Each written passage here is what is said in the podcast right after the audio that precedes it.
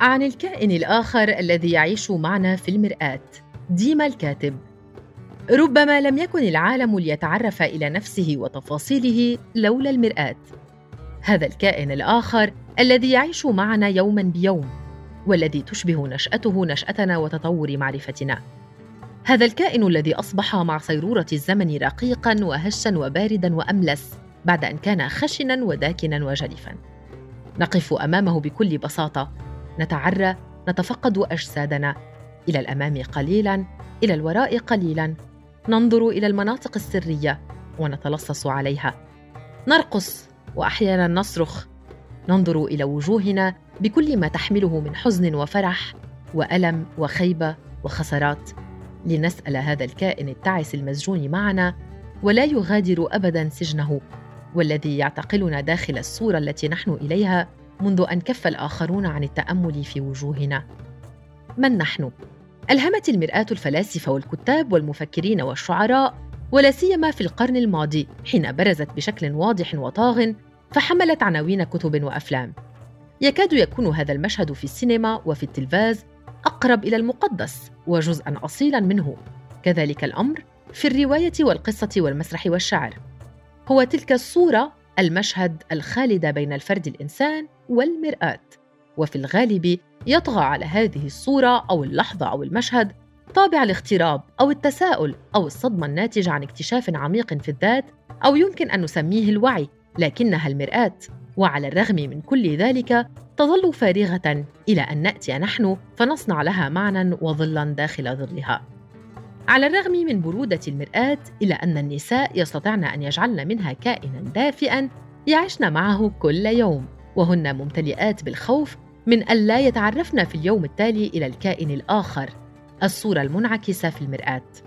صديقتي مهووسة بعلاقتها مع المرآة.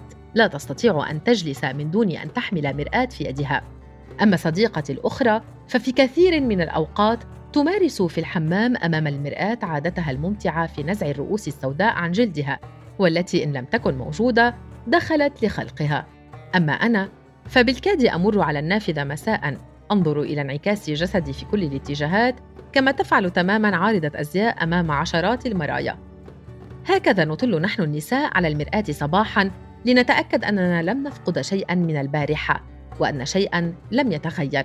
وبلا وعي نصرخ عندما نرى خطا تعبيريا يبدو واضحا أو حين نكون متعبات لأننا لم ننم جيدا في الأمس. نعيش مع هذا الكائن الآخر في المرآة الكائن الذي هو نحن. ذاك الخائف المضطرب الذي يتلصص على الزمن ويحاول طمس حقيقته.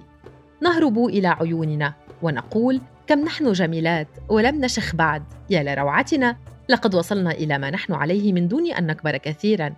هكذا نراقب تجاعيدنا مثل شرطي مرور وفي مرات قليلة نقول إننا نحب أنفسنا وإننا هذا الصباح طريات مثل الحبق.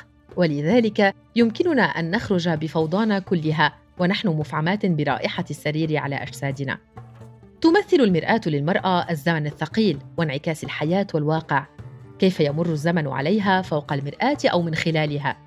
هكذا يتلاشى فعل الزمن الجوهري ليصبح خارجا مطلقا وعليه يفقد الزمن قيمته كأثر نفسي ليتحول إلى عامل جسدي تستغرق فيه المرأة الوقت كله وتتوقف عن الاستغراق في بقية التحولات والتغيرات العميقة التي تساعدها على إطلاق العنان لحياتها فتجد نفسها محاصرة بلعبة من هي الأجمل يا مرآتي؟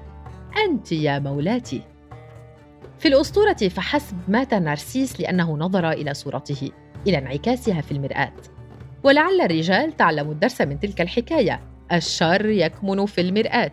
لذلك يمرون في الغالب عليها خفافا ومسرعين ليضبطوا لحاهم أو قبات قمصانهم. يقول نجيب محفوظ ينبغي أن تكون المرآة آخر ما احزن عليه. لن تعكس لي وجها أسر به. الخفة أنفس من الجمال. يكمن الزمن بالنسبة إلى الرجل فيما يصنعه فيجد نفسه طوال الوقت في صراع مرير معه. يمضي يومه في محاولة هزيمته عبر تجاهله وعدم الاعتراف به. وأما أكثر الرجال التصاقا بالمرآة فهم الحائرون الملهمون من الشعراء والكتاب والمتصوفه الذين كلما صفع واحد منهم فكرة قال هي مرآتي. أو قابل امرأة قال هي مرآتي. وقد وجدت نفسي فيها. أما الرجال الذين دخلوا لعبة الشركات فأصبحوا وجوها تكتسب من صورها التي تستلزم منهم أن يصاحبوا المرآة طويلا ويخضعوا لسلطتها. ما يقدمه الأدب وما تقدمه الفنون بأنواعها كافة هو مرآة ليس لعقل صانعها فحسب بل للمجتمعات التي تنتجها أيضاً. فالفنون المليئة بالعنف والكراهية والغضب والسخرية والسخافة والسطحية والضعف ليست إلا انعكاساً لصورة المجتمع وقيمه التي ينبغي فهمها كما ينبغي مسحها كي نرى الصورة على حقيقتها واضحة. لكن أسوأ ما في هذه الصورة حين تعجبنا فندخل في عشقها كما هي الحال مع مجتمعاتنا التي تحب ما هي عليه من قيم فاسدة ترفض التخلي عنها وتعتقد أنها مطلق الخير والكمال والمثالية فتكاد تكون لديها هوية أخرى تعبر عنها. بل تسعى جاهدة لتثبيتها. يقول محمود درويش الهوية هي فساد المرآة التي يجب أن نكسرها كلما أعجبتنا الصورة. لكننا لا نستطيع أن نحطم الصورة. فما الذي يبقى منا عندما نصبح بلا صورة؟ نصبح أفرادا بلا هوية وبلا انعكاس. أفرادا بلا مرآة نقف أمامها ونصرخ. نحن هنا نحن موجودون لأن لنا ظلا في المرآة.